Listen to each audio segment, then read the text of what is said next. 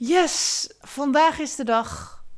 Eh, ik ontving via de post 200 CD's. En dan denk je, CD's, wat is dat? Of eh, bestaan die nog? Ehm, maar het is dus mijn eigen album met een hoesje, met een boekje erin, met alle liedjes. Want de afgelopen vijf jaar heb ik samen met Theo Fokkema en nog heel veel andere muzikanten en een paar producers kei en keihard gewerkt aan mijn eigen album. Als je weet hoeveel tijd, energie, liefde, maar ook ups en downs er in dit proces hebben gezeten, dan is het allemaal eigenlijk onbetaalbaar. Um, maar toch kun je het nu bestellen voor 25 euro. Dus stuur even een mailtje naar info.walinda.nl. Vermeld er duidelijk in dat je het album graag wil bestellen. En zet er ook zoveel mogelijk van je contactgegevens bij, zodat ik even een factuur voor je kan maken. En dan komt het album zo snel mogelijk naar je toe. Hey, veel plezier met het luisteren van de podcast.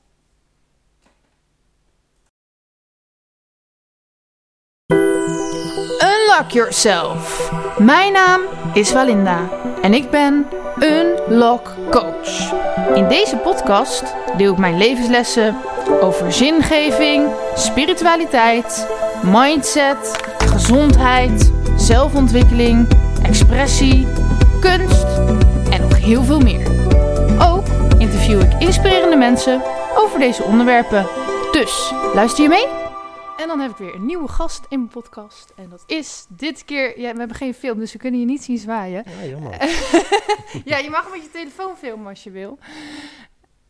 Nee, nee, nee, nee, nee, nee. Ik vind het gewoon mooi om imaginair publiek voor te stellen Ja, en daarna te zwaaien. Toch? Dat is veel leuker. Ja, Zit hier gewoon helemaal vol met mensen. maar eh, wie ben je eigenlijk? Of zou ik nog even klappen alsof ik het publiek ben? Nee, dat vind ik een beetje ik hoor het liever in mijn hoofd van een heel groot publiek. Ja, oké. Ik doe met je mee. Er zitten hier gewoon duizenden mensen naar ons te kijken. Ja. Ja. Eh, wie ik ben of wat ik doe of wat... eh, De eerste vraag is, wie ben je? wie ben je? Ja, Eh, een homp vlees in principe.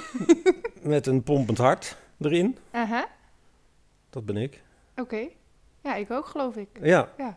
Nou, ik denk dat we ook best veel overeenkomsten hebben met elkaar samen allemaal, weet je wel. Jij en ik, maar gewoon iedereen, ook de hond en, eh, en de kat. Dus ik denk uiteindelijk, we zijn een soort wezens eh, op zoek naar een zo groot mogelijke mate van welbevinden. Mhm. En dat kan een vlieg ook hebben. Je ziet een vlieg bijvoorbeeld ook altijd dat hij net even in de zon wil gaan zitten, omdat dat net wat lekkerder voelt. Nou, zo doen wij ook ons best om ons een beetje warm aan te kleden en lekkere thee, eh, lekker warm. En gewoon een beetje altijd, ja, zodat je je lekker voelt. Ja. Nou, dat ben ik en dat eh, is iedereen met mij. Dus eh, Mhm. ja, dat is in hoofdzaak eh, wie ik ben. Oké, en nu had ik gelijk zo in mijn hoofd van... waarom voelen we ons niet altijd lekker? Waarom moeten we dan nog dat zonnetje of, of dat dekentje of dat theetje? Snap je wat ik bedoel? Van, waarom hebben we nog iets nodig? Nou, omdat het lekker is. en wat lekker is, is leuk. Dus, Ja. Eh, dus je, je hebt het ook nodig omdat het stofjes aanmaakt in je, in je hoofd. Mhm. Ehm, en, en het is gewoon lekkerder om, om in de zon te zitten dan in de schaduw, want dan begin je te rillen. Dus dat geeft lichamelijke eh, onprettige sensaties. Dus we willen gewoon eh, ons lekker voelen. En ehm, ja, dus ja, dat is gewoon het ding. Je wilt je prettig voelen en dat geldt voor elk levend wezen. Mhm. En het zou raar zijn als je zegt van ik ga de hele dag in de kelder zitten. Toch? Nou ja, misschien voel je je daar wel lekker. Nou, dat kan ook natuurlijk. Er zijn ook mensen met eh, tandjes hier eh, die het heerlijk vinden om in de, in de kelder te liggen of zo. En dat is ook prima. En ik denk dat dat het ook is. Dat het heel moeilijk is om je in een ander te verplaatsen en voor te stellen dat als die zegt van ik wil in, gewoon in de kelder eh, leven. Ja, Of ik met, met eh, al het, eh, alle veranderingen die nu zijn in de maatschappij, is het heel moeilijk voor mensen om je voor te stellen dat een ander gewoon iets anders wil dan jij, omdat die dat gewoon prettiger vindt. mhm. En dat is eigenlijk volgens mij de crux van, eh, van heel veel dingen. Van ja, dat doe je gewoon omdat jij het prettig vindt. Nou, dan doe je dat toch lekker. ja. Maar ik denk dus altijd van, ehm, waarom zijn we niet gewoon geboren met dat je automatisch al gelukstofs aanmaakt zonder dat je iets nodig hebt? Maar goed, dan ga je dus ook niks doen en dan kan je net zo goed inderdaad de hele dag eh, niks doen. Ja, nou ja, dan, dat is een beetje hetzelfde als drugs gebruiken, denk ik. Weet Ja. je wel, als je eh, ziet, eh, ik, ik was in Christiani in Denemarken, dat is zo'n drugsvrij straatje. Ja. En dan lopen de mensen heel gelukzalig rond, omdat ze dan zo'n spuit eh, in de armen hebben. maar je ziet gewoon dat het nep geluk is. Dus Mhm. dat heeft me echt ook nooit aangetrokken. Ik wil graag gelukkig worden van dingen die er echt zijn. van de zon, van de, de immense natuur, van een dier of zo, weet je wel. Daar kan ik al heel erg eh, euforisch van raken eigenlijk. En ik vond altijd, als ik die mensen dan met drugs eh, zo zag, dan werd ik altijd een beetje verdrietig van, zeg maar. Maar goed, eh, Mhm. ja. Maar nou, dat, dat vind ik ook wel interessant. Waarom eigenlijk? Waarom is dat erg dat mensen nepgeluk halen? Of erg? Waarom zou je dat zelf niet doen? Ja, nou ja, wat ik zeg, als hun dat, dat, dat prettig vinden en dat het hun eh, levenspad is, dan is dat eh, uiteraard eh, ook helemaal dik prima. Mhm. Maar uiteindelijk heb ik wel eh, meegemaakt dat heel veel mensen kapot gingen aan, aan drugs. Ja. Ja. Dus eh, het is wel destructief. Ja, maar goed, misschien hebben ze dan... Ik ga nu niet... eh, ik ga niet allemaal aan de drugs, jongens. Nee, maar misschien hebben ze dan wel een leuker leven gehad dan wij. Alleen korter, maar dan... Snap je? Dus dan heb je gewoon eerder betaald voor je geluk of zo. En wij Ja. hebben dan meer langer termijn geluk. Ja, je weet het niet. Ik kan me niet in anderen eh, verplaatsen. Nee. Beperkt. Ja. Dus eh, ik kan mij vooral in mezelf verplaatsen. Dus eh, Ja, ik zou het niet weten. En ehm, nou, nu we het er daar dan toch over hebben, heb je wel eens drugs gebruikt? Nou, ehm, wiet gewoon en heel veel alcohol. Mhm. Eh, maar de andere heftige zaken. Ik ben zelf gewoon al heel erg ja, gevoelig voor, voor grootse dingen, zeg maar. Dus eh, ik heb. eh, dat drugs zou mij echt, eh, echt geen goed doen. Dat weet ik. dat, dat verwacht ik tenminste niet. Daarnaast hou ik ook graag toch wel een bepaalde mate van controle. Dus het trekt mij niet aan. Oké. Ehm, nou, volgende vraag is: wat is je missie op deze aarde? Mijn missie op deze aarde. Ja. Nou ja, ik heb helemaal geen missie. Nee. Nee. Nee, nee, nee. Ik ben een vlieg. Ik wil gewoon in de zon zitten eh, als de zon schijnt. En eh, dat is de, de belangrijkste wat je, wat je wilt, denk ik. Mhm. Ja, nee, ge- geen missie. En heb je er wel vroeger bijvoorbeeld een soort van zoektocht naar gehad dat je wel een missie wilde? Of heb je dat helemaal Zeker. niet? Oké. Ja, ik heb eh, altijd gedacht dat ik de wereld moest redden, zeg Mhm. maar. Dus eh, ik, ik kom uit een christelijk gezin. Dus eh, met allemaal ooms die allemaal op katjes stonden op, op het strand om eh, het evangelie te verkondigen en te vertellen dat mensen zich moesten bekeren en eh, dat soort dingen allemaal. En dat zit ook heel erg in mij. Dus ik, ik heb dat enorm eh, gehad en nog steeds betrap ik me daar af en toe wel eens op dat ik eh, toch een boodschap wil vertellen. Maar ehm, eh, ja, dus, dus het zit er heel erg in. Mhm. Ik denk dat ik dat langzamerhand een beetje afgeleerd heb. Ook ik ben op een gegeven moment ook een hele zware burn-out geraakt. Twee jaar lang denk ik dat ik gewoon echt bijna niks meer kon. Ehm, ja, en dat ontstaat natuurlijk ook doordat je veel te veel hooi op je vork neemt. Mhm. Omdat je denkt dat je de wereld moet redden. Omdat je denkt dat je Nederland moet redden. Of, of je je ouders moet redden. Of wat dan allemaal. Dus ik was daar volledig eh, door vergiftigd eigenlijk. Door dat idee van je hebt een missie. Ja. En eh godzijdank ben ik daarvan bevrijd. Godzijdank ben ik van mijn missie bevrijd. Ja, Dat is een mooie. ja Maar sommige mensen kunnen, die hebben, die hebben wel een missie, maar die kunnen het ook gewoon echt, weet je wel. Die, die, die raken daar niet burn-out van en die, en die hebben dan opeens een, Ja? iets om voor te strijden en dat soort dingen. Ja. Maar jij dus niet. Nee. Nee. nee, en ik ken ook niet zoveel mensen die een missie hebben die eh, niet burn-out raken, moet ik zeggen. Volgens mij gaat dat vrij eh, veel samen met elkaar, omdat mensen die een missie hebben vaak te veel hooi op hun vork nemen. En ehm, vaak zichzelf tegen gaan komen. Ja. Want de grootste missie is voor mij uiteindelijk dat je... je oh, daar heb ik toch een missie. Ja. Groeiend. Eh, Lastig, hè? ja. Nee, maar... Mijn missie is geen missie hebben, maar vertel. ja, Ja, ja, ja, precies. Ehm, nou ja, gewoon om, om, om, ehm, om, om, om je eigen leven te leiden en dat goed, eh, ja, goed te doen. Nee, dat hoeft ook allemaal niet, maar... ehm, Goed voor nou, jezelf, denk ik vooral. Misschien vul ik nu al te veel in, maar... Ja, nou ook, ook voor, voor eh, toch wel... Ik wil, nou ja, nee, ik, ik wil dat... Nee, ik, ik neem dat terug. nee, ik wil helemaal niks. Nee? Nee, nee, nee, nee, nee. Dan, dan verval ik echt weer in dingen waar ik denk, oh nee, nee, nee, nee. Ik wil goed doen of ik wil dit. Nee, want waarom zou je dat willen? Ja, Wees gewoon, dan ben je toch al wat. ja, Dus als ik zeg van, ik wil graag goed, hoezo dan? Eh, waarom moet ik mij dat zelf opleggen? Mhm. Laat ik gewoon vooral mezelf zijn, dicht bij mezelf zijn. En proberen, nou ook niet eens proberen, maar gewoon hier bij jou te zijn. Mhm. En, en eh, in het contact te zijn, weet je wel. En ehm, dat is eigenlijk wat het is. Dus, eh, en dan kun je, kun je wel weer komen van ja, in het nu zijn en dat soort dingen. Maar dat is ook weer een soort opdracht. Dus ja, ik heb geen opdrachten voor mezelf. nee. Nee. En toch onbewust heb je volgens mij, oh, zelfs als je zegt dat je geen opdracht hebt, ga je toch weer... Ik stik ervan. Ja. Ja. Ja, kan bijna niet anders. Nee, nee. Ja, en het, ik vind ook wel in ons, ja, als je zeg maar naar heel veel ondernemers kijkt of zo, er wordt wel gevraagd, wat is jouw, misschien niet altijd op zo'n zweverige manier als dat ik het vraag, maar er wordt wel altijd om een missie en een visie en een, eh, zelfs als je dat eigenlijk niet eens hebt, bijvoorbeeld, weet ik veel, je... Je bent gewoon een, ehm, weet ik veel, autohandelaar of zo. Dan opeens gaat iemand toch vragen van... ja, maar op wat voor manier verkoop jij auto's of zo? Weet ik veel. Dus, dus heel veel mensen doen iets... en dan wordt er toch gevraagd van... waarom doe je het? En op wat voor manier doe je het? En wat wil je ermee bereiken? Dus het is ook wel heel erg iets van deze tijd, denk ik. Dat, dat we dat heel graag in Nou ja, woorden uit drukken. altijd. Ook al eh, toen ik begon, eh, was dat ook hetzelfde verhaal hoor. Moest je ook pitchen en moest je ook dat allemaal duidelijk hebben. Wat is je doelgroep en wat is je Ja. dit en wat is je dat. Dus ehm, daar is uiteindelijk ook wel ietsje, heb ik daar wel aan gehad. Mhm. Maar uiteindelijk ben ik toch wel gelukkig in, eh, heb ik het heel erg bij mezelf kunnen houden. Dus, en misschien ook omdat ik niet anders kon. Dat ik gewoon ehm, eh, dat wilde doen en moest doen wat ik deed. Eh, en ik had er ook niet zo over hoeven na te denken van, klopt dit wel? Want Nee. ik wilde dat gewoon doen. Ja. En als je dus niet precies weet wat je wil, Mhm. ja, dan moet je gaan denken, ja, wat is nou eigenlijk mijn, mijn doel? Wat wil ik nou eigenlijk?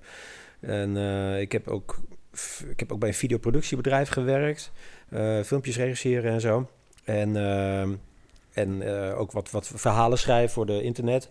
En toen dacht ik van, nou, misschien is het leuk als ik de eigenaar even interview. Heb ik hem- en die had al twintig jaar dat bedrijf of zo. Mhm. En toen vroeg ik, ja, wat, wat, wat wil je nou precies met je bedrijf? En, waar, waar wil je, nou, en toen begon hij te ratelen en hij had geen idee. En een vriend van mij is tekstschrijver, eh, of nou kinderboekenschrijver, toen eh, tekstschrijver. En die interviewde dan ook dat soort mensen. Ja, die zei ook, ja, ze we- weten helemaal niks. Ze hebben geen idee eh, wat, ze, wat ze willen, wat ze, wat ze doen. Dus die staan op de een of andere manier heel ver los van, van iets wat heel, het vuurtje wat in hunzelf brandt of zo. Ja. ja, of ze, hebben- ze hebben, zijn zich gewoon niet bewust van wat ze eigenlijk aan het doen zijn, maar weten het ergens wel of zo. Nou Ja, ja, nou misschien, ja. Ik weet het niet. Eh, ik had in ieder geval vroeger ook heel erg, maar ook vanuit dat christelijke wereldje van eh, dat je heel, heel goed weet wat is mijn roeping, waarvoor ben ik hier op aarde, bla bla bla. En ik heb dan nu ook wel dus een missie geformuleerd, zeg maar. Ehm, maar toen hoorde ik inderdaad laatst ook een podcast van iemand die ook gewoon zei van ja, wat als je nou eens geen missie hebt of, of richting, of als je het gewoon allemaal eens los durft te laten en gewoon meegaat op waar je zin in hebt, weet je wel. Dat durven heel veel mensen niet. En toen dacht ik, oh ja, dat kan ik eigenlijk ook wel meer gaan doen. Waarom ben ik jarenlang zo druk geweest met die missie vinden? Ja, ja, ja, het is toch iets van buitenaf eh, wat je erop probeert te plakken. Ja. Dus eh, ik vind het altijd mooier als je van binnenuit dan eh, die beweging kan maken. Maar ja, dat is toch vaak heel erg ingewikkeld wel Ja. voor je dat je, je het, het, het, eh, het gultje vindt waar je in past, zeg maar. Maar goed, hoe weet jij dan wat je gaat doen, zeg maar? Als je, als je eigenlijk geen missie hebt. Dan ga ik door het bos lopen Mhm. en eh, dan, dan wordt het mij gegeven, zullen we maar zeggen. Oké, Ja, eigenlijk is het zo simpel. dus dan krijg je een idee. Ja, En eh, dan Ja. eh, vind je dat meestal ook wel een leuk idee, neem ik aan. alleen maar. Ja, Oké. ja. En hoe weet je dan wat je moet gaan doen? Ja, ik bedoel, een idee is een idee. Maar om dat dan ook nog in stappen echt te gaan doen. Ja, ja, ja. Eh, ja. ja. Ik ben in 2000 begonnen met een theatervoorstelling over autisme. Mhm. Een theaterfilmvoorstelling. en ehm, Want ehm, we hebben het eigenlijk nog niet voor mensen die jou helemaal niet kennen. Misschien moeten we nu toch maar even ja, zeggen dat je theatermaker bent. Ja, ja. ja, ja. Toch? Ja. Zo Eh, zou je het kunnen noemen. Ja, ja. Ehm, dus ja, toen heb ik dat gemaakt en dat was gelijk een soort niche. Omdat je, ik ben toen gaan toeren door Nederland-België en, en voor uh, autismeverenigingen opgetreden. En die organiseerden dan het publiek erbij. Dus ik had altijd volle zalen ook. En um, nou, van daaruit kwam een mevrouw die zei: Ik heb reuma en we hebben een reumavereniging. Zou je daar ook wat voor kunnen maken? Nou, dat, dat, uh, en zo is dat een beetje gaan rollen. Dus zo kwam ik eigenlijk automatisch wel in een, een iets terecht waar, waar alles op elkaar afgestemd was. Want ik ken heel veel collega-theatermakers die treden op voor vier, vijf mensen of zo. En uh, verder komt het niet. Nee. Shakespeare staan ze heel erg hun best te doen om uh, iets moois uh, neer te zetten. En ja, bij mij was dit het geval, omdat ik sowieso ook dat sociale al wel had en heel interessant vond. Dus ehm, dat kwam op die manier heel erg lekker op zijn plek. Ja, dus en eigenlijk ging jouw eerste, is dat je eerste voorstelling? Dat was mijn eerste echte voorstelling, ja. dat ging eigenlijk al heel vanzelf. Het elfenkind. Uh, nou, vanzelf. Het was een fikse dobber, moet ik zeggen hoor. Dus uh, ik heb echt heel veel uh, onderzoek moeten doen en heel veel moeten inleven in de autistische wereld. Of onderdelen daarvan. Dus ik heb echt tijdenlang met bordjes lopen draaien in, in mijn woonkamer. En dan kijken van, nou, wat, waarom doet iemand dat die redelijk zwaar daarmee te maken heeft. Nou, toen ontdekte ik bijvoorbeeld dat je als je, net zoals je hier van die mooie glittertjes op je, op je kussen hebt, Mhm. dat als je een bordje ronddraait, dan krijg je ook van die glittertjes te zien. Mhm. En dan is dat een soort sensatie in je hoofd. Dus ik, we hadden het net over drugs, maar dat was Mhm. voor mij op een gegeven moment ook een soort van drugservaring. Dat je uh, dus in die trance komt van die, dat licht wat voortdurend flikkert op dat bordje. En toen begreep ik van daardoor denk ik nu niet aan andere dingen. Dus in het geval van iemand met autisme, die, waarin de wereld heel erg extreem uh, eng is en, en, en cha chaotisch is, uh, werd, werd zoiets heel erg rustgevends. Dus uh, toen begon ik te begrijpen waarom de kinderen waar ik eerder dan ook mee gewerkt heb en zo, waarom die dat dus allemaal deden. Of waarom ze hun oog, vinger in het oog staken en zo. Omdat dat dus ook een sensatie oproept, waardoor je niet meer aan alle chaos denkt in je hoofd. Maar wel knap dat ze daar opkwamen. Ja, maar dat, dat is ook omdat hun heel dicht bij hun... Ja, Ja. precies. Dus um, ja, dus, dus dat, dat uh, gebeurt dan, ja. Dus dat, dat waren voor mij ook hele mooie dingen om zo te ontdekken. En dat werd eigenlijk ook mijn manier van werken. Dus ik verplaats me altijd. Ik heb ook met borderline ge, uh, voorstelling gemaakt, huiselijk geweld. Heb ik mijn vrouw in elkaar geslagen. dus uh, nee, maar het, het, het, het, kwam wel heel vaak heel erg dichtbij, moet ik zeggen. Dat wel. Ik, ik had wel een relatiecrisis in die periode, ja. Dus, ja, maar dat uh, hoor je, dat heb ik ja. vaker gehoord, dat als je acteur bent en je moet een bepaald iets spelen, bijvoorbeeld zelfs een keer zo'n vrouw, die viel in principe niet op vrouwen, die moest spelen als op vrouwen viel en opeens werd ze verliefd op een vrouw. Ja, ja. Nou, ik, ik kreeg met dat reuma-voorstelling kreeg ik echt dikke polsen ook. Ik kreeg gewoon vocht in mijn, uh, in mijn polsen. Echt waar. Ja, dat is waanzinnig. Ja. Ja. Oké, okay, maar is dat, vind je het dan niet eng om bepaalde dingen te spelen? Want dan krijg je dat misschien ook in je eigen leven. Ja, ja, ja, ja, ja, ja. Nou, dat is ook wel zo, ja. Want de huiselijk geweld was ook echt heel erg heftig. Uh, dat, uh, dat stond, uh, die relatie van mij was toen, stond ook echt op knappen. En ja, want je probeert zo dicht bij iets te komen, dat je daardoor ook ja, misschien anders gaat gedragen, misschien gaat afsluiten ook voor je, voor je partner in dit geval.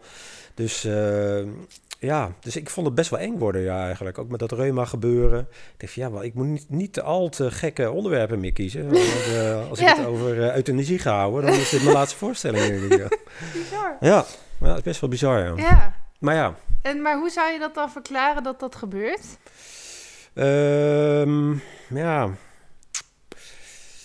Ehm, ja, wat ik zei, je, wordt het toch Mhm. langzamerhand echt. Ja. Dus automatisch eh, ga je die vibe dan ook uitzenden en, en gaat dan je omgeving er ook weer op reageren en zo. Dus eh, het heeft een wisselwerking naar elkaar toe. Dus ja, dat... en misschien, ja... Het is, het is natuurlijk wel zo dat je geest invloed heeft op je, op je zijn, op je lichaam. Dus gedachten ook echt een, eh, een uitwerking hebben, ook een concrete, concreet ding zijn, zeg maar. Dus ja, dat merk je dan wel, dat, het, eh, dat het wat doet. Maar dat vind ik wel een interessante. Want ik heb ook wel. Ik ben geen, niet echt een acteur. Ja, we zijn allemaal een acteur. Maar niet op. eh, eh, zeg maar dat ik officieel aan theater doe. Ehm, maar je bent wel, weet ik veel, op je werk weer anders dan met vrienden. Of eh, thuis weer anders dan eh, in de trein. Ik roep maar iets. Dus overal speel je een andere rol, zeg Ja. maar.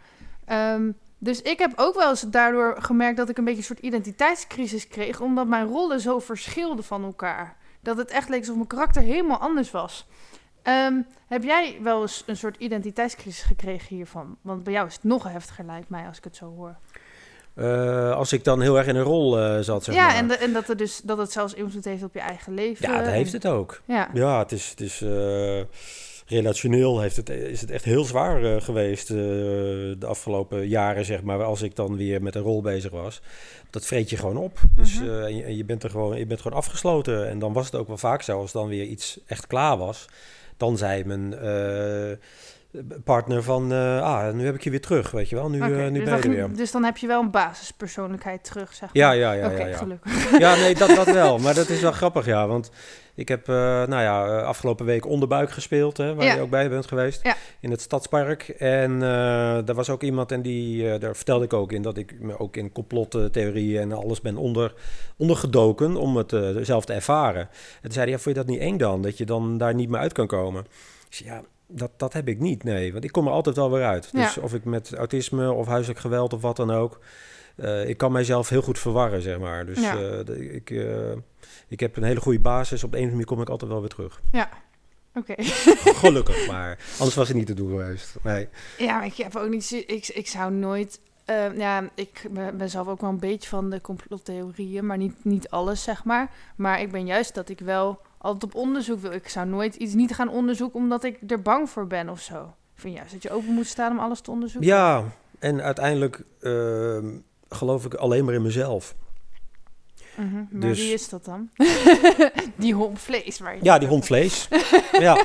Nou ja, dat is een hele moeilijke om, om, eh, om te zeggen wie ben jij. Ja. Vind ik een hele ingewikkelde. Ja, Dat is, eh, dat is alsof, als een schilderij, zeg maar. Een schilderij heeft zoveel verhalen. Als jij naar een schilderij kijkt, zie jij een heel ander verhaal dan ik. Mhm. En er zijn duizenden verhalen op los te laten.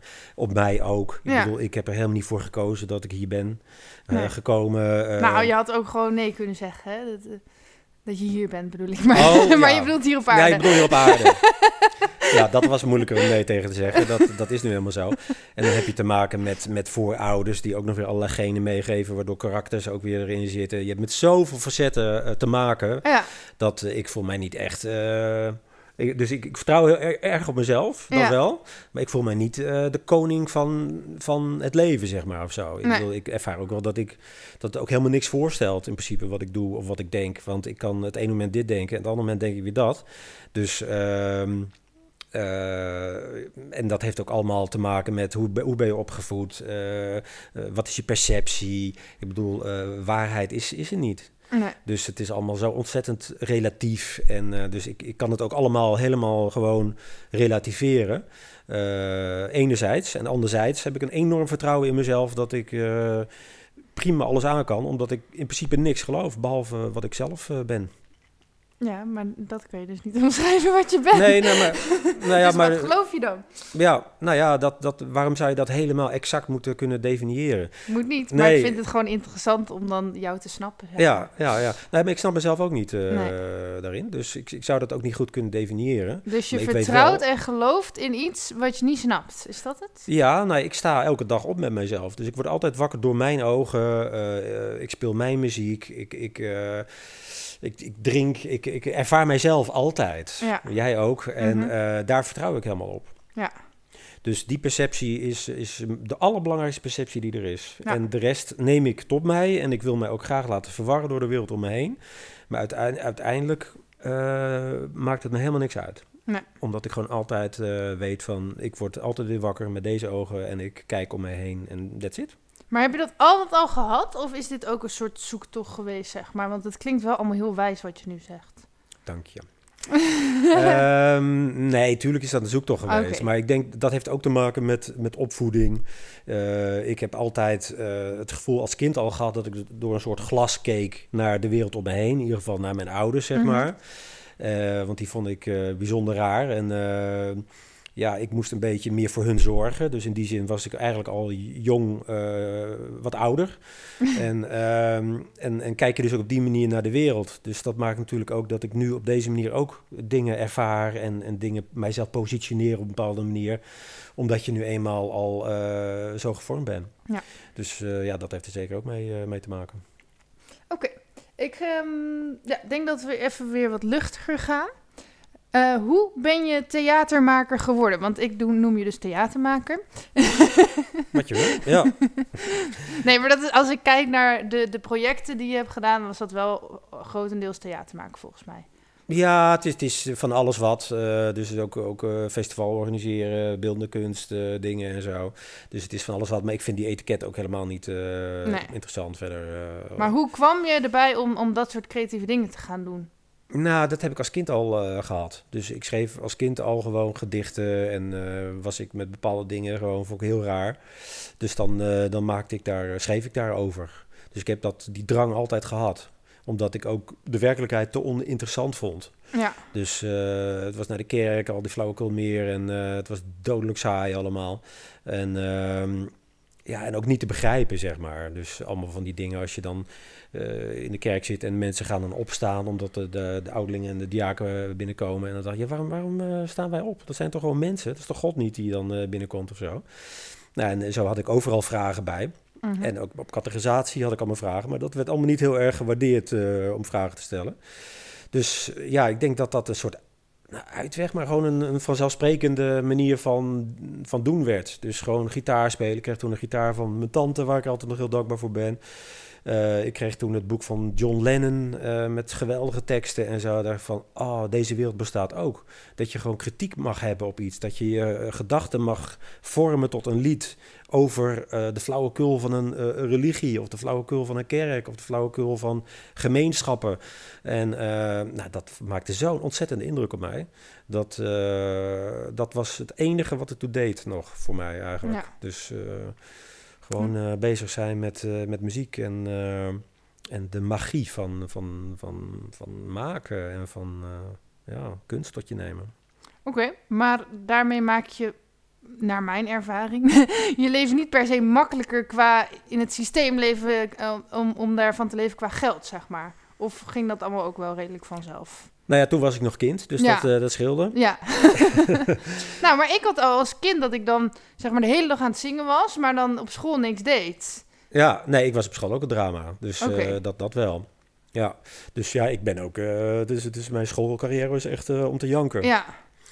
Dus ik ben op een gegeven moment, ben ik maar, was ik 17 of zo, dan ben ik maar bij Albert Heijn gaan werken. Omdat niemand meer wist wat hij met me aan moest. Ja. Dus, eh, want dat bij een oom van mij zei van, joh, ga bij Albert Heijn, dan kun je misschien daar een interne cursus eh, volgen. En ik dacht, nou ja, doe maar dan. eh. maar je mist gewoon totaal je ankerpunten, zeg maar, van wat je eigenlijk wil. Omdat ik kom, ja, christelijk gezin, dus theater is sowieso helemaal niet aan de orde. Theaterschool ook al helemaal niet. Dus ja, zodoende was dat heel ver weg. En eh, ja, was het gewoon een heel lang, enorm doolhof. Dat je echt, eh, dat je dan achter die kassa opeens zit bij Albert Heijn, eh, die dingen uit je hoofd leren. En dat leerde ik dan even één minuut en daarna ging het weer uit mijn hoofd. Ik kon het gewoon niet onthouden, omdat het Mhm. me helemaal geen s'nachts interesseerde. En niks interesseerde mij in principe. Nee. Dus gewoon lekker aan de drank en zo en dat soort dingen, maar meer niet. En, Dus- en hoeveel van dat soort banen heb je moeten, moeten doen, zeg maar? Of Ja, doe je dat nog steeds? Of... Nee, nee, nee, nee, nee, nee. Nee, maar, maar ik herken dit wel echt van dat ik zoveel banen heb gehad waar ik niet paste, wa- wat Ja, niet aansloot. Maar je denkt, ja, ik moet toch geld verdienen, dus ik moet het ja, maar doen. ja, ja, nou daarom. Dat is heel deprimerend. Ja, Dus eh, ik heb echt eh 2,5 jaar bij Albert Heijn gewerkt. En in ik die... ook volgens mij. Oh. Langer. Nou ja, goed. Maar, Ja. dat, maar dat, vond, dat vond ik eigenlijk niet zo heel erg. Dat was wel eh, in die tijd wel een goed bijbaantje. Maar Ja, nou ja, maar ik, voor mij, dit was mijn, mijn carrièrepad was Ja, dat toen, weet ja. je wel. Want daar was ik terechtgekomen. dit was mijn leven. Dus zit je daar in de pauze over de, domste dingen te ouwe horen. Dat je denkt van, wat, wat, wat is dit, ja, Waarom, hoe, wat moet dit leven dan worden voor de rest? ja. Maar Dus- goed, misschien luistert wel iemand die heel gelukkig is bij de Albert Heijn. Dus geen veroordeling nog. Nee, nee, nogmaals, eh, dus, eh, elke vlieg eh, vindt, eh, vindt zijn eigen plek wel. Ja. eh, dus dat eh, moet iedereen ook helemaal zeker doen. Maar ja, goed, ik werd daar doodongelukkig van. En iemand anders zou doodongelukkig worden als hij een theaterstuk moet schrijven. Ja. En die zou zich van de toren springen of zo, als hij dat zou moeten doen. Dus dat is, ik vind ook helemaal niks meer of minder. Maar eh, ja, de, je eigen weg gaat zo. Dat ik, voor mij dat was het ook totale verwarring. Elke, ik ben taxichauffeur geweest, eh, mensen ophalen van Schiphol en weer terug. En, en elke keer dacht wat ben ik toch aan het doen, jong? Waar Ja. slaat dit op? nou ja, je geld verdienen, dat is het enige. Ja. Maar waar kun je bij aansluiten? Eh, ja, dat was voor mij ook echt eh, totaal eh, En hoe ben je dan toch op je plek gekomen? Eh, nou, dat, dat, dat is een hele wel een rare lange weg geweest. Mhm. Want ehm, ja, ik ben uiteindelijk eh, had ik me van het geloof afgekeerd en eh, was ik uh, erg aan het dranken en uitgaan en dat soort dingen. En, en, ging dat eigenlijk heel erg de verkeerde kant op, omdat ik helemaal geen één perspectief had van, ja, wat, wat, wat stelt dit dan voor, dit leven? toen ben ik bekeerd door een, uh, uh, zeg maar een Paulusbekering, dat je zo ineens patsboom uh, bekeerd werd. Maar wacht even voor, je, je, was dus wel of niet gelovig? Ja, ja, ja, dus ik was kerkelijk opgevoed, maar dat ja. vond ik helemaal niks. Nee. En ik miste volledig daar een perspectief. Ja. En ook in het leven miste ik een perspectief. Ja. dus ik wilde me afkeren van het geloof. Mm -hmm. En, nou ja, en, en, en, dat had ik ook redelijk goed gedaan. Ik was heel, heel goed op weg. Mm -hmm. En om er van af te komen. Maar toen heeft mijn broer mij gevraagd om mee te gaan met de Youth for Christ kamp. Okay. En ik had net uh, mijn rijbewijs gehaald, uh, dus ik mocht dan in een busje rijden. Nou, dat vond ik eigenlijk helemaal te gek. Dus ik zei, nou, ik ga wel mee, maar ik wil niks te maken hebben met dat kamp verder. Het gaat me alleen om dat busje. Dus dat was goed. Mm -hmm. Nou, daar waren, zijn toch dingen gebeurd uh, allemaal. Er kwam een jongen naar mij toe en die had ook helemaal geen perspectief. En die wilde eigenlijk een eind aan maken, want hij had zijn vrienden waren kwijt en alles. En hij zegt, als er geen God meer is, dan wil ik er een eind aan maken. Dus wil je mij helpen? Ik zeg, ja, ik, uh, ik heb ook geen God voor je. dus uh, pech, helaas. Maar, Doei! Die, ja, maar goed, die, die kwam dus naar mij toe, omdat Ja. hij zich herkende natuurlijk Ja. op een bepaalde manier in mij. Maar ik kon hem geen antwoord geven. Nee. En dat vond ik dat heel erg. Want ik dacht van, ja, dit is dus mijn leven. Ik keer mij af van iets wat antwoorden heeft. En ik heb geen enkel antwoord, voor wat dan ook. Ik wi- kan alleen maar aan de drank en een beetje uitgaan. En eh, nou ja, en, en, en, en toen eh, gebeurden er andere dingen. Er was iemand die, die maar zette een kaars in het midden. En toen mochten ze, dan eh, mocht je die eh, zelf een kaarsje aansteken om te laten zien hoe dicht je bij de bron van liefde bent, bij God bent. Nou, dat heb ik eh, la- laten passeren. Dus er gebeurden allemaal heel veel dingen in mijn innerlijk systeem. En toen eh, op het eind, toen zat ik in, een, eh, in dat busje en, eh, dingen te schrijven. Hè. Zo gaat het op het eind, dan mag je briefjes aan elkaar schrijven. Je bent fantastisch, je kan zo leuk gitaar spelen en dat soort dingen. Mhm. En toen had die jongen had ook iets aan mij geschreven dat hij zo dankbaar was dat hij, eh, dat hij, dat hij mij eh, had ontmoet en dit en dat. En ik dacht van ja, hoezo dan? Eh, ik heb toch helemaal niks gedaan en ja, dat is helemaal mijn perspectief niet. En nou, toen kreeg ik in die bus kreeg ik een hele ervaring. Ik werd helemaal koud, ik begon helemaal te rillen en ik kreeg echt een, een, naar mijn idee toen dus, Mhm. een, een goddelijke ervaring. Ehm, en toen heb ik een briefje geschreven van, nou, misschien eh, is er toch wel wat waar van, eh, van God of zo. Zoiets had ik Mhm. geschreven. En, en eh, nou, toen de volgende dag naar, naar huis gegaan, toen word ik nog bij mijn ouders. En s'nachts, toen kreeg ik weer zo'n ervaring. En toen heb ik gebeden en toen ben ik bekeerd. En Mhm. toen heb ik mij afgewend van, van mijn vrienden en, en de drank. En ik heb aangegeven, jongens, ik ben veranderd. ik ben bekeerd. En eh, ben ik naar de Bijbelschool eh, gegaan. En eh, ja, daar heb ik, heb ik opnieuw weer leren leren, zeg maar. En ook een nieuw perspectief geleerd. Dus het heeft me op zich wel heel veel gebracht. Ehm, en dat heeft mij weer op het pad gezet, zeg maar. Dus niet het pad van God uiteindelijk, maar wel op het pad van mijzelf. Ja. Dus mezelf leren kennen en... ja, dat, dat is gewoon eh, wel heel goed geweest. En uiteindelijk, eh, door allerlei andere omstandigheden, eh, heb ik mij daar ook weer los van gemaakt. Ja. En beseft van ja, dit was een perceptie die ontstaan is door mijn opvoeding. En doordat ik daar buiten stond, eigenlijk zeg maar, buiten de liefde stond. En ja, dat verlangen om ergens bij te horen, dat heeft mij blijkbaar toen ook aangegrepen. En, en heeft mij sensaties gegeven, zeg maar. Ehm, ja, die, die heel veel dingen in gang hebben eh, gezet. Dus daar, eh, daar ben ik wel heel blij mee. Mhm. Maar ik sta daar nu volledig anders in. Ik ben nou eh, absoluut helemaal daar weer los van gekomen. Oké, maar Ja. hoe zou je dan... ik denk dat dit al voor een gemiddelde luisteraar heel veel is om te bevatten. Ja, Maar ik ben nu echt heel nieuwsgierig van... Hoe is dat dan veranderd en wat geloof je nu wel of niet? Ja. Zeg maar. ja. Maar ik kan me voorstellen dat andere mensen even een ademruimte even, eh, nodig hebben. Ja, precies, ja. Ja, ja, Misschien moet je gewoon even later verder luisteren of zo. ja, ja, ja. Zet hem even op pauze. Neem een lekker eh, drankje. Eh, nou ja, goed. Ehm, eh, ja, eens even kijken hoor. We zullen beginnen. Nou, in ieder geval die bijbelscholen. Eh, gedaan. Maar goed, ik werd gaandeweg werd ik wel weer kritischer op het uh, kerkgebeuren. Mhm. Dat ik eh, wel weer heel erg merkte van ja, dit is weer zo'n clubje samen. Dit gaat helemaal niet meer om, om het echt beleven van God en wat ik beleefd had, zeg maar. Mhm. Dus daarin begon ik al wel een beetje afstand te nemen van alles en werd het meer een privébeleving. maar um, ja, gaandeweg, ik kreeg toen veel problemen. Dus ik ik, ik, ik kreeg uh, angstaanvallen en uh, ik kreeg van heel veel dingen last.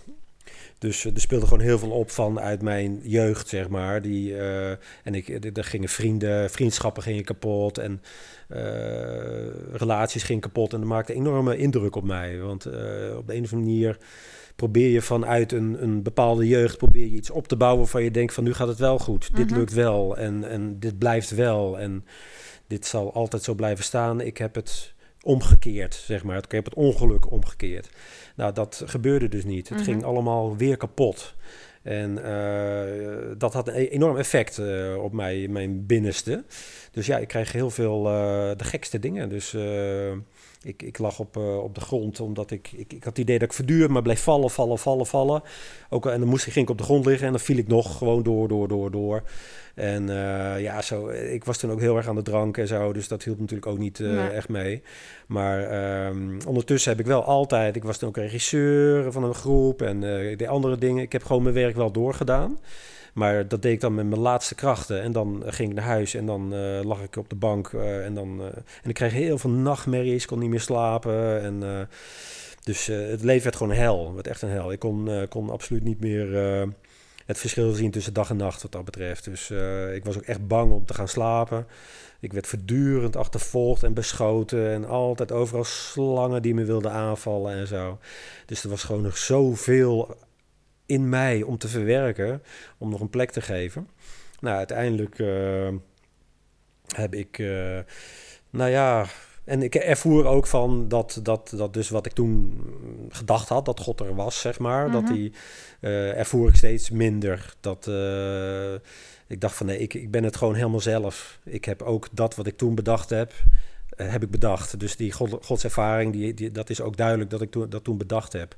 Omdat ik later ook diezelfde sensaties weer terugkreeg, maar dan op een negatieve manier, zeg maar.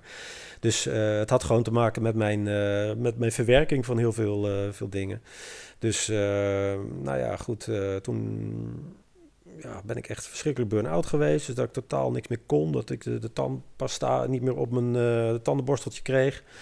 En eh, jezelf gewoon niet meer kent. Eh, ik heb heel veel in die tijd opgebouwd. Ik heb, eh, wat ik zeg, een theatergroep geleid. Ik heb een theater gebouwd, nou ja, of ingericht helemaal. En met, met een stuk of zeven mensen onder mij die dan producties maakten, die ik dan weer begeleide. En, dus eigenlijk was alles net een beetje uitgekomen van ik dacht van dit is goed. Maar toen was ik helemaal op. Was ik helemaal op. Dus ehm, ja, dus, eh, er stonden hele mooie dingen te gebeuren. En, eh, maar ik kon niet meer. Dus eh, toen heeft mijn toenmalige vriendin heeft dingen overgenomen. Maar ja, dat ging op een gegeven moment ook niet meer. Zij ging er ook aan onderdoor. Ik, ik kon op een gegeven moment, had ik geen stem meer. Ik kon niet meer praten. Ik, ik kreeg een, een, theatergroep die wilde toen, omdat ze dachten dat ik de boel besodemieterde, be- besodemieterde, wilden ze mij een rechtszaak aan, aan gaan doen en kreeg ik de gekste dingen over me heen. Ik kon me niet meer verweren, want ik had geen kracht meer, ik had geen stem meer, ik had niks meer. Ik kon alleen maar zeggen... "Ah, En zij dacht echt dat ik gewoon eh, bijna een geintje aan het maken was, zeg maar. Maar het, eh, het was, ik, ik kon niet meer. En ik, ik raakte steeds meer eh, opgesloten. Ik raakte heel veel vrienden kwijt ook. En eh, omdat ik ook het geloof vaarwel zei toen, raakte ik ook eh, mijn geloofsvrienden kwijt. Die zeiden van, je bent als stof aan mijn voeten. Volgens een of andere tekst uit de Bijbel moet je die van je afkloppen als, als die niet meer gelovig zijn. Altijd fijn. Dus dat was ook heel fijn om te horen.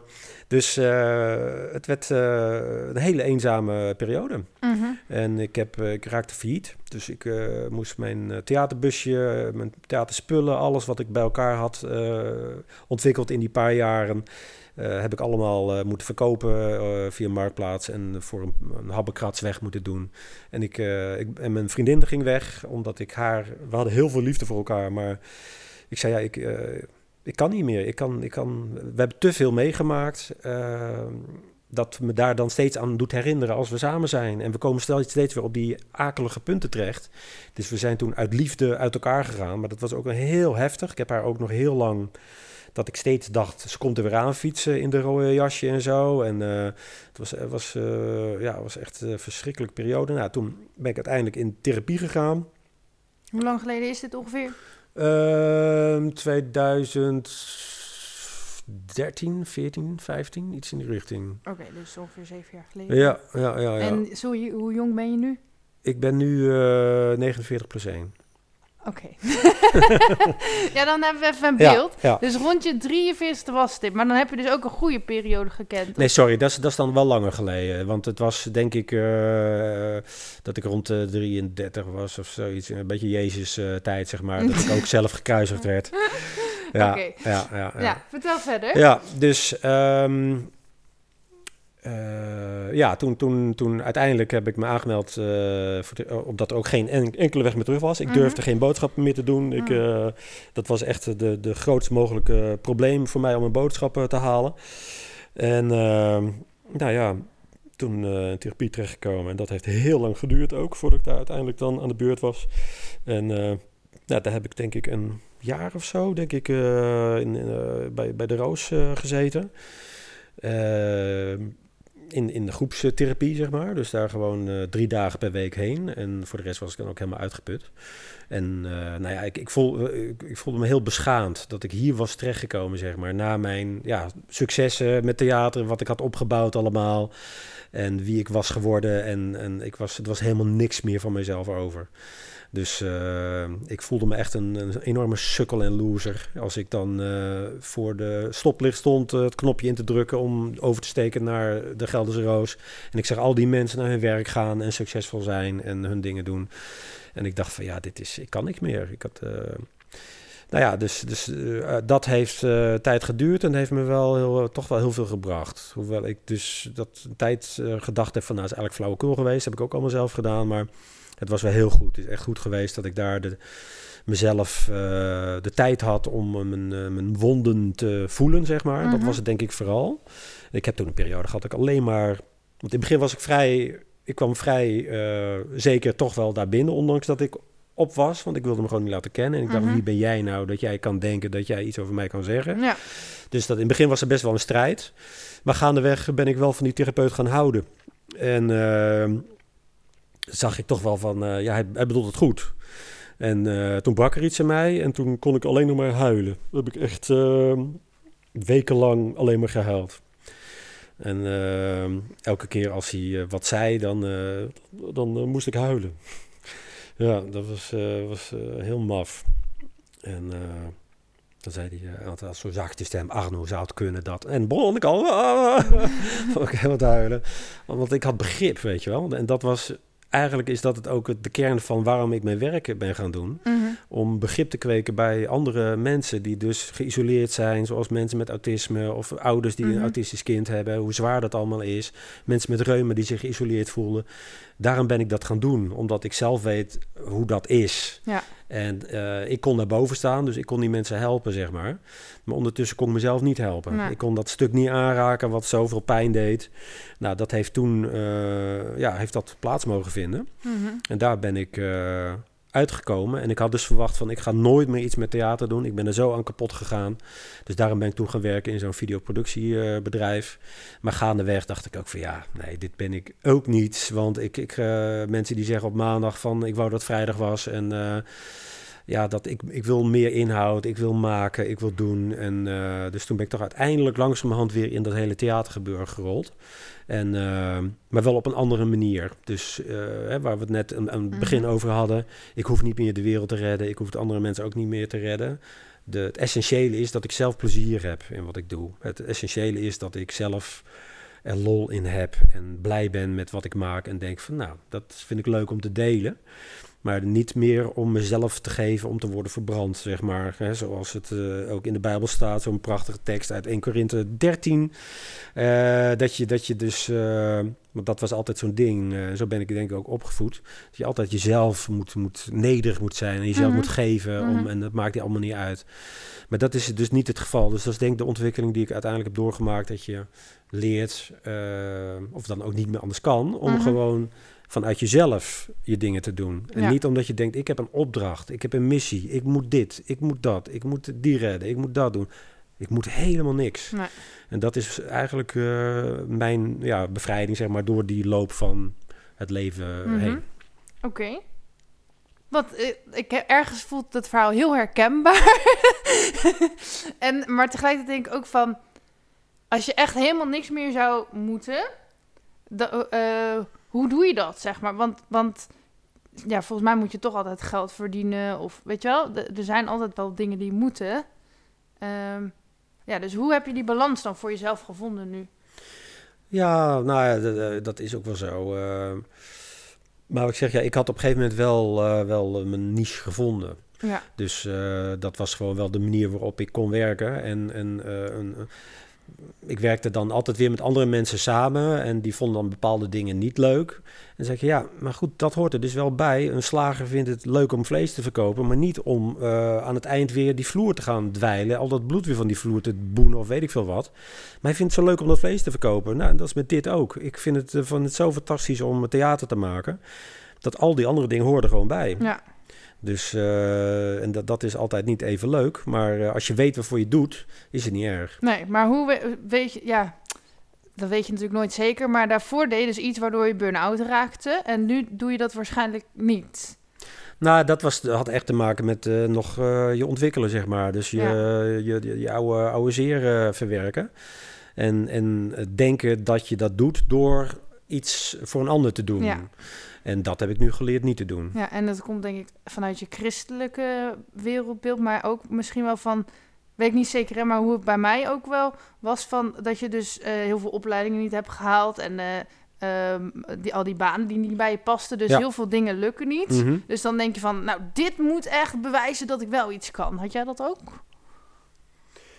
Eh, ja, ik denk het wel ook. Ja, Ja, maar ik heb ook heel veel eh, nacht, of nachtmerries dat ik inderdaad op scholen zit en dat ik dan weer te laat ben voor een examen. En eh, dat Ja. is echt zo'n thema gewoon, wat Ja. altijd weer terugkwam. ja. En dat, maar nu niet meer. Nee, nou niet meer. Ja, niet, je gaat natuurlijk niet meer naar school, maar... Nee, nee toen ook niet. Maar toen, eh, ja, het is, en misschien komt dat nu nog wel boven hoor, als Ja. ik heel erg uitgeput ben of zo. Maar toen was dat echt aan de, aan de, aan de klok de hele tijd Ja. het geval, ja. En je zoekt natuurlijk wel iets... Ik weet ook mijn eerste voorstelling ook over Mhm. autisme dus, het elfenkind. Eh combinatie tussen toneel en film. eh, vind ik er altijd eigenlijk een van de mooiste voorstellingen eh, zelf. Want Mhm. ik daar zoveel in heb in, in- ingelegd. En dat was natuurlijk wel mijn première op al- alle mogelijke gebieden. Dat je laat zien van dit ben ik en dit wil ik, dit kan ik. En dan droomde ik dat mijn ouders op het podium kwamen terwijl ik bezig was met bijvoorbeeld dat bordje draaien. Gewoon iets aan doen was wat dus onderdeel van de voorstelling was. En dat die langskwamen en dat er weghaalden en zeiden: nee, zo, eh, dit, is, moet je niet doen, Arno. Dat moet je anders doen. En die gingen gewoon mijn hele stuk verpesten. Dus eh, ja, dat. dat maar goed, dat kwam toen wel op zijn plek daar. Dat, die voorstelling was een succes. Dus toen had ik wel het gevoel: nu ben ik wel geland. Ik ben Ja. nu waar ik zijn wil. Ja. En dat, is, dat scheelt wel een hele hoop natuurlijk. Daarna heb ik nog dus eh, heel veel moeten doormaken. Maar het scheelt wel als je gewoon echt vindt wat je, wat je wil. En dat je daar ook je brood mee kan verdienen. Ja. Oké, ik vind het wel een heel mooi verhaal, moet ik zeggen. Ehm, dus je hebt ook geen theateropleidingen gedaan? Jazeker wel. Ja? Ja. Oh, dat wel. Eh, ik, ik heb uh, heet het, Hogeschool der Kunsten eh, gedaan. Of Mhm. tenminste eh, niet afgemaakt. Omdat het geld op was. Ehm, en, en daarna heb ik ook nog een jaar eh, theateracademie in Amsterdam gedaan. Oké, en maar dat heb je dan veel later pas... Want je zei Ja. dat dat eerst mocht het allemaal niet. Nee, daarom. Het is eh, later gebeurd. Ja, ik heb dus eerst Mhm. echt heel veel zo gedaan. En toen ben ik naar de sociale academie gegaan. Hoe hoe heet dat ook alweer? Ja. En, ehm, maar goed, dat vond ik ook eigenlijk totaal niet interessant. Dus ik was ook alleen maar met theater bezig. En toen ben ik, uh, aange, uh, heb ik een rol gekregen in De Rode Draad in een tv-serie. Uh, via een theatergroep waar ik ondertussen was bijgekomen. Mhm. En de regisseur van die theatergroep zat op een theaterschool. Dus zodoende raakte ik dus langzamerhand denk van wauw, dat kan dus wel. Er bestaat zoiets. En zodoende ben ik daar dan ook nog wel op terechtgekomen. Ja. ja.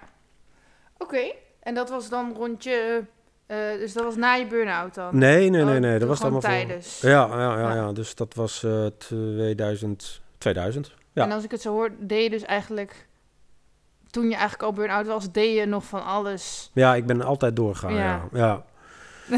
ja. ik, uh, ik heb geen gat op mijn CV, in mijn cv of zo, nee, nee, geloof ik, wat dat betreft. En ik wilde dat ook niet, want ik schaamde me namelijk verschrikkelijk. Mhm. Want ik, ik, ik wil gewoon er kunnen staan. Ik Ja. wil niet zwak zijn. Nee. Eh, ik wil niet dat iemand mij met een vinger om kan duwen. Ja. Dus eh, ik zorgde er wel voor dat ik op de een of andere manier toch wel eh, er was. Oké. Ehm, je had ook een aantal jaar geleden het pop-up, of een aantal jaar geleden, pas geleden nog het pop-up festival. Ja, dat is al wat tijd geleden ondertussen. Ja. ja. Ehm, waarom is dat er niet meer? Of mag ik dat niet vragen? Jawel, ja. Misschien moeten we eerst even uitleggen wat het pop-up festival was. Ja, nou, ik heb Pop-Up Festival verzonnen, ook in het bos. Eh, dus gewoon lekker lopen. En toen dacht ik van, want ik had al verschillende projecten in Ede gedaan. En Mhm. ik merkte hoe moeilijk het was om publiek eh, bij elkaar te krijgen in Ede. Ede is toch een vrij taai, ingewikkeld dorp. En ehm, ik was het een beetje zat om hele mooie dingen te maken... waar dan eh, maar een handvol mensen op afkomen... en Mhm. je ontzettend je best ervoor hebt gedaan. Dus zodoende kwam ik op het Pop-Up Festival. Dus het Pop-Up Festival ehm, was in het centrum van Ede. En bijvoorbeeld als je in de HEMA bent en je wil een broek passen... en opeens komt er een koor naar boven en begint voor jou eh, te zingen... en zegt wat zie je er prachtig uit vandaag en we wensen je een hele fijne dag. En eh, opeens zijn ze weer weg. Of je ziet, een, een, eh, je zit op een terras en je ziet opeens een stel ontzettend ruzie krijgen... of eh, elkaar enorm gaan zoenen of weet ik veel wat. Dus ik wilde de dagelijkse werkelijkheid anders maken... omdat die naar mijn idee vaak veel te saai Ja. is. Mensen raken eh, gehabitueerd. Dus ze weten gewoon van dit- gaat er gebeuren. Wij gaan van A naar B en dit gaat er gebeuren. Ja, en dat, daar hebben we allemaal last van. Mhm. En ik vind het erg leuk om daarin in te grijpen. Dus om te zorgen dat iets totaal anders gaat verlopen dan jij denkt dat het gaat verlopen. Ja. En eh, nou, ja, vandaar het Pop-Up Festival. Dus de gekste eh, muziek, theater, dans, van alles kon. Mhm. En het eerste, eerste keer was ondertussen, want hij heeft vijf jaar in totaal heeft het ge- is het geweest. Mhm. En de eerste keer was er ook een, eh, een dansgroep. En die meisjes hadden zo'n hemdje aan. Nou, en die kregen echt de grootste verwensingen naar hun hoofd. Want die dansen dus ehm, gewoon à la improvisé door eh, de grote straat. Ja. Dus dat was al heel gek, zonder muziek, rare bewegingen. Ja. Het was heel moeilijk voor Edenaar om dat, eh, dat aan te kunnen, zeg maar. Oh, Wat zit je nou gek te doen? En eh, trek eens wat, wat anders aan.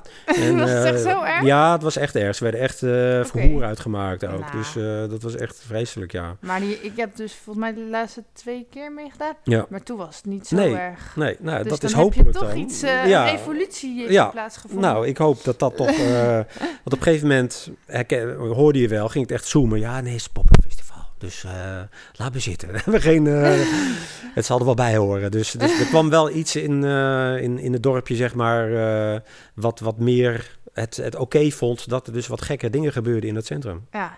Oh, was Ede echt zo erg? Ja, Ik weet wel Ja. dat ik inderdaad ook wel eens heb opgetreden en dat niemand stil bleef staan, maar iedereen gewoon best wel weinig doorliep. ja. En dat toen, toen mensen zeiden, nou, als je in een andere stad stond, dan waren er nu heel veel mensen gewoon blijven staan, maar dit is echt typisch Ede of zo. Ja.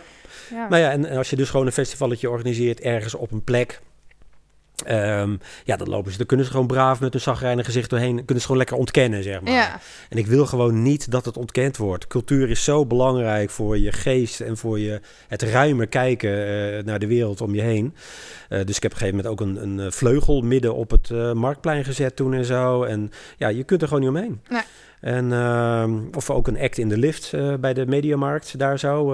dat je de deuren open gaan, dat opeens iemand staat van een gedicht in je oor te fluisteren of zo. Dus eh, niemand kon er meer omheen. Nou, dat was wel, eh, vond ik wel ontzettend leuk. Maar hoe komt het, denk je, dat, dat Edenaren, ik zeg even, zo waren? We gaan nu zeggen dat ze dus niet Ja, meer zo zijn. Het is gebeurd, ja. het is verleden tijd. We zijn heel open nu.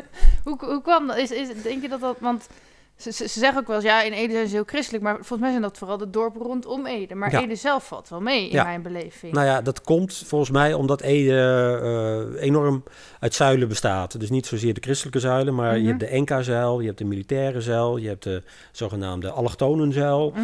Uh, dus, dus je hebt niet één gemeenschappelijk ding waarvan je zegt van... hé, hey, daar gaan we als Edenaren allemaal heen en eh, daar hebben we iets aan, iets cultureels of wat dan ook. Iedereen is heel erg op zichzelf, Mhm. waardoor het ook, ja, denk je, ja, waarom eh, moeten we ons bemoeien met, eh, met iets? Mhm. En, en met iets geks, wat, eh, wat helemaal niet bij ons hoort. Dus ja, dat is typisch Ede. Oké. Ja, dus ik heb natuurlijk die film gemaakt over Ede. Mhm. En heel veel onderzoek daarnaar gedaan. En Enka, mensen die bij de Enka werkten, die noemden zich ook geen Edenaren, maar Enkanezen. En die woonden dus eigenlijk allemaal over het spoor. En de mensen in Ede, die noemden het de mensen van over het spoor. Dus dat waren ook geen Edenaren, Ah. maar dat waren de mensen van over het spoor. Nou, zo had, elke groep had zijn eigen uitdrukkingen om te zeggen... Oh, dat horen wij niet bij. Dat vinden wij niks. Eh, dus, dus eh, ja, dat is typisch Ede. Oké. Ja. Maar inmiddels vind jij het ook wel veranderd, toch? Ja. Oh, gelukkig.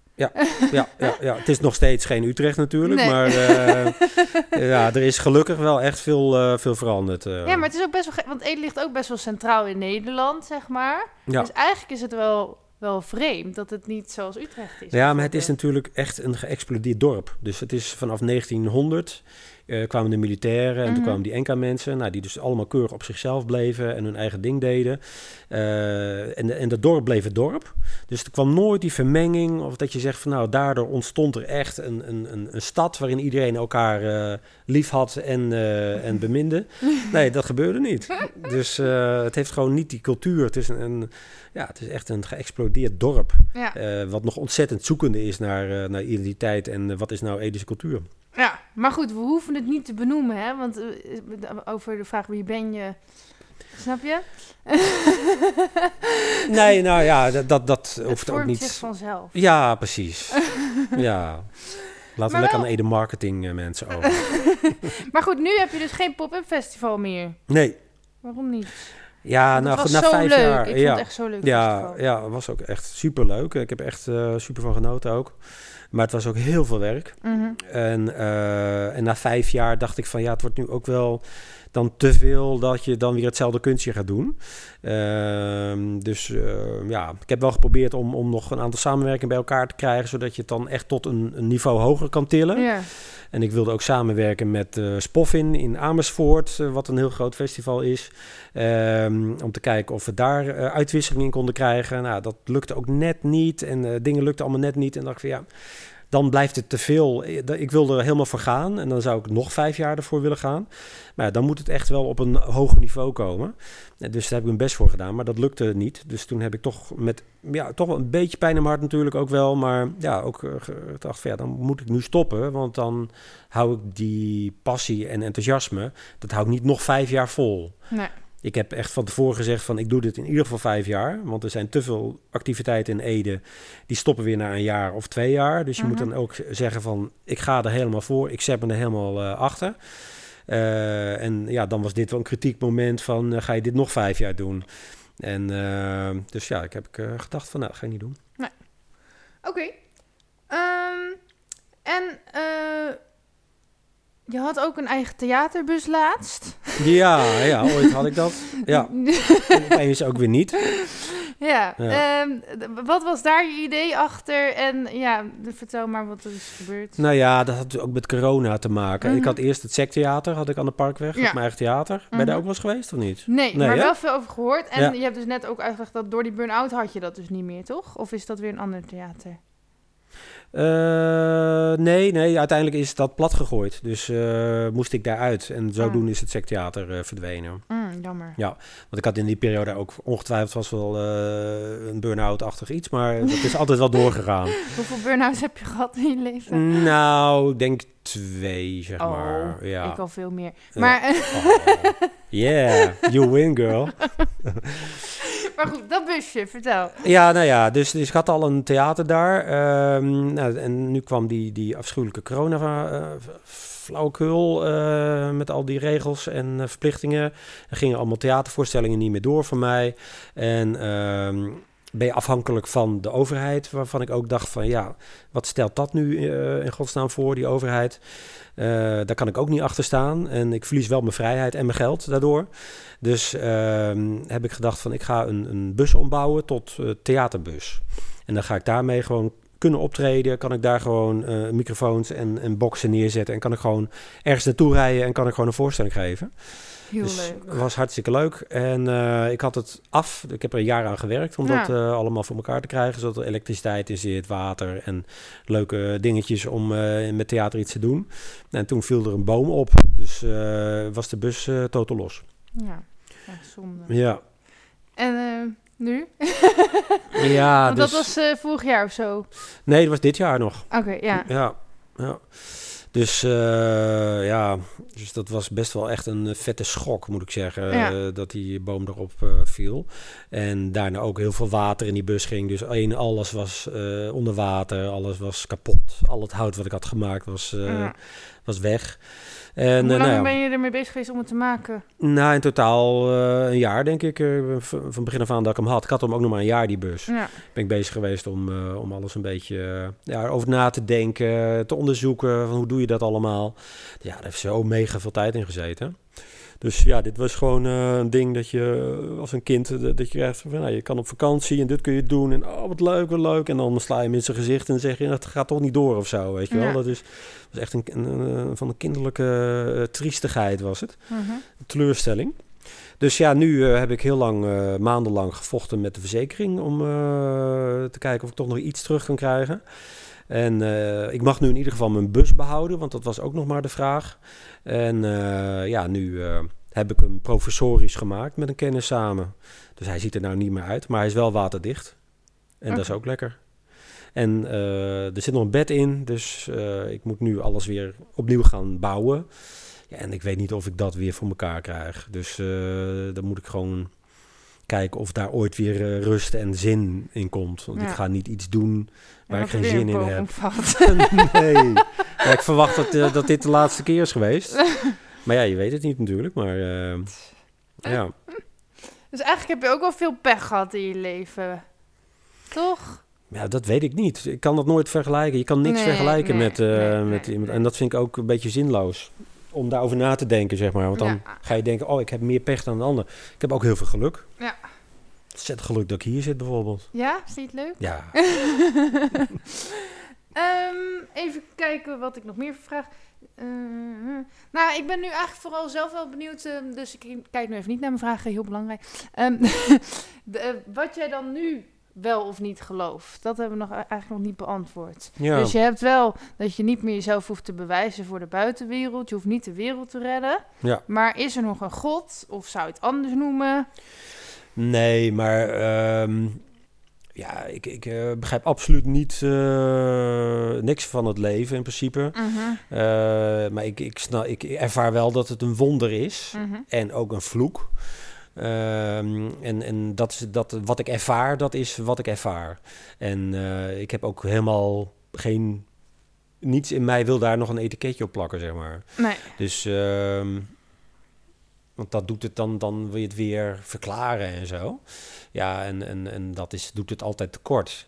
Dus, eh, maar ik heb nou een sterrenkijker gekocht bijvoorbeeld. Mhm. Want ik, eh, ik vind eh, het sterren vind ik ook echt iets fantastisch sinds kort. Dus ehm, dat je gewoon in zo'n wonder leeft, weet je wel. En aan de andere kant leef je in een maatschappij waarin mensen steeds meer... ja, dat je een soort mening wordt en dat je gedehumaniseerd wordt tot van oh je behoort bij die groep, oh je bent een wappie of je bent dit of je bent dat.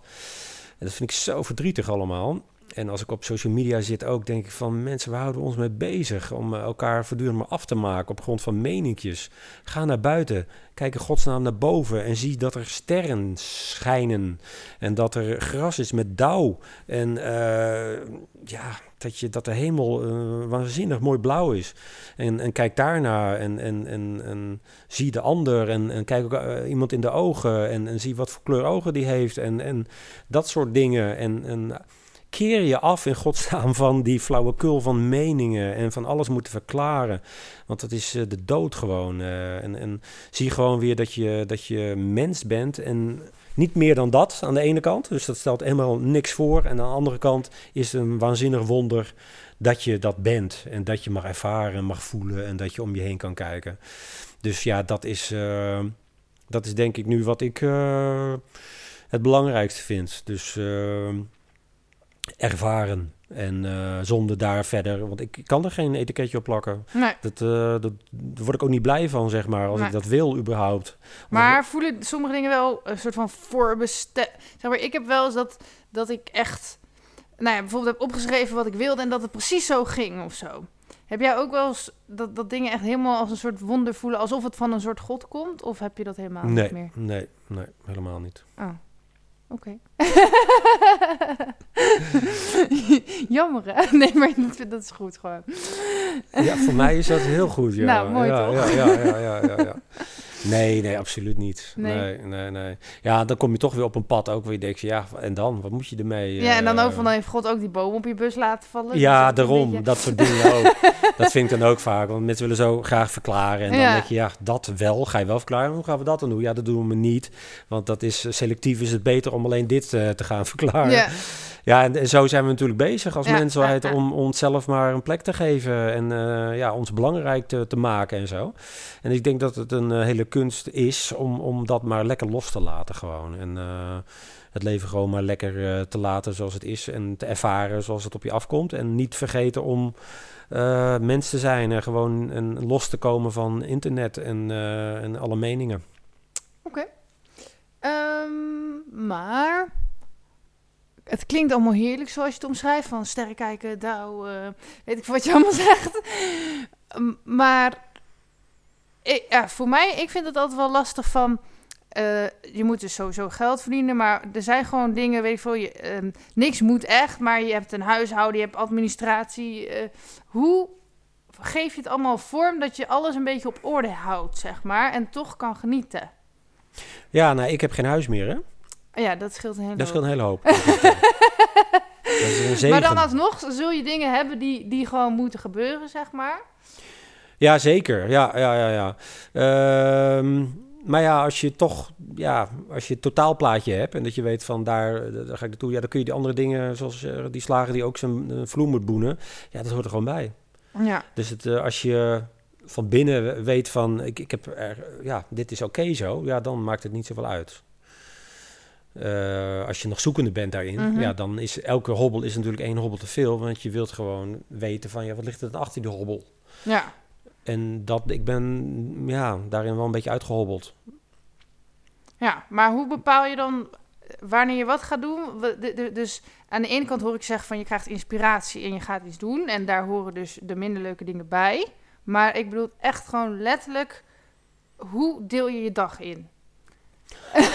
Oké, nou ja, goed. Ik heb natuurlijk al wel heel veel jaren nu dat ik heb moeten leren om dat te doen. Ja, Dus om als zelfstandig creatief ondernemer je dingen te doen. Eh, ik heb mezelf altijd wel, eh, ik werk altijd met een to-do-list, weet je wel. Oh, gewoon ja. eh, hele eenvoudige dingen. Ik hou dat allemaal wel heel erg bij. Ik maak voor mezelf een jaarplanning.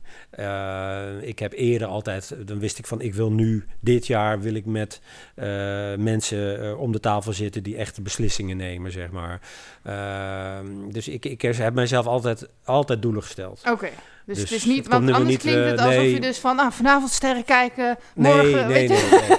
Nee, absoluut niet. Nee, als je het daar over Ja. hebt, over echt ondernemerschap, Ja, heb ik me natuurlijk ook helemaal het schompers gewerkt Ja. daarin. En eh, weet ik ook hoe moeilijk dat is om te doen. En heb ik me ook volledig verdwaald gevoeld. En dat je denkt, ja, wat moet ik nou doen? En waar blijft die feedback, zeg maar, eh, erin? Eh, dus maar dat is natuurlijk wel een traject waar ik nu ondertussen wel een stuk verder in ben. Maar als ik dat even terug ga halen, zeg maar, ja, dan weet ik hoe ingewikkeld dat is. En hoe moeilijk het is om, want ik zei, je staat gewoon in een jungle alles om te kappen. En ondertussen groeit alles weer eh, en sta je nog steeds weer in die jungle te kappen. Dus voordat je eindelijk een weg gekapt hebt, Mhm. duurt het waanzinnig lang. ja, En in het begin heb je echt geen idee eh, wat, waarom en hoe. nee. Dus, en dan is het gewoon stug doorgaan. En ehm, Ja, dat is bij de sportschool stond geloof ik ook zo'n eh, dat, dat je zo'n zo'n spreuk. Ik ben helemaal niet van de spreuken, maar in ieder geval Mhm. iets dat, dat stond dat je ja, degene die gewoon doorgaan, dat die er uiteindelijk komen. Ja, En zo simpel is het toch wel, ja. Je moet gewoon echt maar keihard door en toch maar weer dat bed uit en op tijd aan de gang en, en eh, gewoon je werk doen. ja. En er heel goed over nadenken, het heel goed analyseren van eh, wat levert dit op en eh, wat kan ik anders doen? Ja. Eh, welke andere mensen heb ik nodig om toch daar te komen? Ja. Nou ja, en, en, en ja, dus dat is voortdurend puzzelen. ja. En ja, dus dat is mijn weg ook altijd geweest. Maar je hebt niet een gouden balansvolume hoe je, hoe je alles inplant. In je, ja, zeg maar, je kan het wel plannen, maar... Nou ja, ik zit altijd nog van, en je, maar die, die heb jij dus niet. Maar van, en je hebt je huishouden, en je hebt je administratie, en je hebt sociale contacten, en je wil gezond leven, dus je wil sporten. Eh, Ja, dat, dat, soort balansen vind ik altijd lastig, zeg maar. Ja, nou, misschien moet je iets minder willen dan eh, volgens mij. Dat je meer focust eh, op één ding en, en het oké vindt, de rest. Weet Ja. je wel? Dat je niet zoveel meer van jezelf moet. Dat, eh, dat zou denk ik een hoop eh, schelen. Want anders neem je eh, van alles wat. Ja, Maar komt er niet een echte grote schep die je kan nemen. Die je zegt van hier heb ik echt wat mee gedaan. Omdat je te veel bezig bent van ik wil daar een schepje van, daar een schepje van, daar een schepje van. ja. Dus je zegt eigenlijk, balans kan eigenlijk niet. Je moet gewoon kiezen, Je moet echt dat gaat focussen. lukken en Ja. de rest is gewoon... En dat eh, gaat ten koste van alles en iedereen in het begin. Ja. Dus eh, om mijn bedrijf zeg maar op te bouwen, eh, is ten koste gegaan van mijn gezondheid, is ten koste gegaan van mijn relatie, is ten koste gegaan van mijn familie. Ja, Dus ja, wil je, ik bedoel, wil je niet gewoon in een normale werksituatie zitten en wil je echt iets anders bereiken, Ja, ja, dan gaat dat, he- ja, dan is dat niet anders. Ik bedoel, mensen dus die ik ken van de theaterschool of wat dan ook, ja, er is uiteindelijk maar 3 of 4 procent die erin slaagt om er eh, van te leven. ja, En de rest wordt gewoon postbode en geeft eh, les op een school of zo. Eh, omdat je moet echt offers brengen. ja. Je moet echt keiharde offers brengen. Ja. Dus dat, is, dat is het absoluut, ja. Oké. Ja. Goed om. Ja, eigenlijk, dat heb ik wel eens vaker gehoord, maar nu besef ik me opeens wat je bedoelt. Ja, ja, ja. Dus want, wat laat ik echt duidelijk zeggen, wat ik op laat zeg, dat is een soort eindproces van kijken omhoog en naar de sterren en Ja. zo. Dat, dat is allemaal, dus dat, wil, dat heeft niet van toepassing op het ondernemersbestaan als je nog ergens eh, naartoe moet. Want dan is het gewoon kei en kei en kei En dat kan je niet combineren. werken. Ehm, nou ja, het verschil is dat het mijn passie was. Dus Mhm. eh, dat, het, dat ik ook alleen maar dat wilde. Ja, dat dus is waar. dat is denk ik ook wel belangrijk. Nou, we gaan een beetje afronden. Ehm, bijna. ja, dan ehm, de laatste twee vragen. Welke laatste levenslessen zou je de luisteraars nog willen meegeven? Nog meer. Ja. Heb nog niet genoeg gegeven? Ja, nog iets. Jemig. Ehm, nou ja, ja, goed. Ja, nee, ja, die heb ik eigenlijk al gegeven. Dus eh, stop met internet. Of maak een pauze of zo, weet je wel. Dat je gewoon eh, eh, even reflecteert op waar je mee bezig bent. Mhm. Hoe sta je erin, in het, in het leven, in het digitale leven? Ehm, eh, reageer je op mensen? Ga je voortdurend in discussie met mensen en al dat soort dingen meer? Eh, wat brengt het je eigenlijk? Ehm, ik heb gemerkt dat het vooral lucht is, zeg maar, die je brengt. Dat je uiteindelijk geen rijker mens wordt en je niet werkelijk iets gemaakt hebt. Ik ben Mhm. een waterman, ik ben van de dromerijen. Eh, maar die kan ik wel inzetten, zeg maar, voor mijn theaterstukken. Omdat ik, zo kan ik mijn luchtkastelen bouwen, zeg maar. En dan Mhm. wordt het ook echt wat. Maar ik heb wel gemerkt, ik heb ook een tijdje eh, van die eh, computerspelletjes eh, gedaan en zo. En dan was ik echt helemaal, ik ben best, ja, dan ga ik ook helemaal in. En ik werd er doodongelukkig van. Dus op een gegeven moment heb ik gewoon zo'n dvd'tje doormidden gebroken om mezelf ervan te verlossen, zeg maar omdat je dan gewoon helemaal vergeet eh, hoe het echte leven in elkaar steekt. Mhm. En ik ben, ja, wat ik een beetje zie in, ehm, dat in het digitale leven, dat dat ook zo is. Dat mensen het veel te veel daarin opgaan. Mhm. En eh, ja, zou ik een land willen breken om te zeggen, eh, ja, denk erover na, hoe ga je ermee om? En ver- vergeet niet hoe het is om gewoon een kind te zijn, hoe een kind speelt in de wei en hoe die daar een vlieg ziet of iets anders ziet. Dat is waanzinnig. En dat zijn wij echt heel erg aan het kwijtraken, Ja, vind ik. ik snap wat je zegt. Oké, dus dat is je laatste les die je wil meegeven? Ja, ik, eh, ik heb er nog wel 110 en die eh, zijn te downloaden Ja? eh, eh, in mijn pdf eh, voor 15 euro. Oké, waar kunnen we die vinden? Nee, nee die, die is er niet. Maar, eh, Maar mijn laatste vraag is wel, hoe kunnen mensen je vinden als ze jou nodig hebben, op wat voor manier dan ook? En dan ga ik zo naar de uitknop lopen. Dus je kan nu je website geven of je oh ja, nee, ik heb ook geen website je- meer. Dus, eh, Oké, maar heb- hoe, hoe komen mensen bij jou? Of mogen ze niet meer bij je komen? nou, via jou, eh, denk ik. Ja, Ja, maar dan krijg ik het veel te druk. ik moest focussen. ja, ja. Nee, maar als je mij googelt, dan, eh, dan vind je wel, denk ik, van allerlei informatie ook. eh, en, en ook vast wel een eh, e-mail of zo. Ja, ja. Ja, graag gedaan, Linda.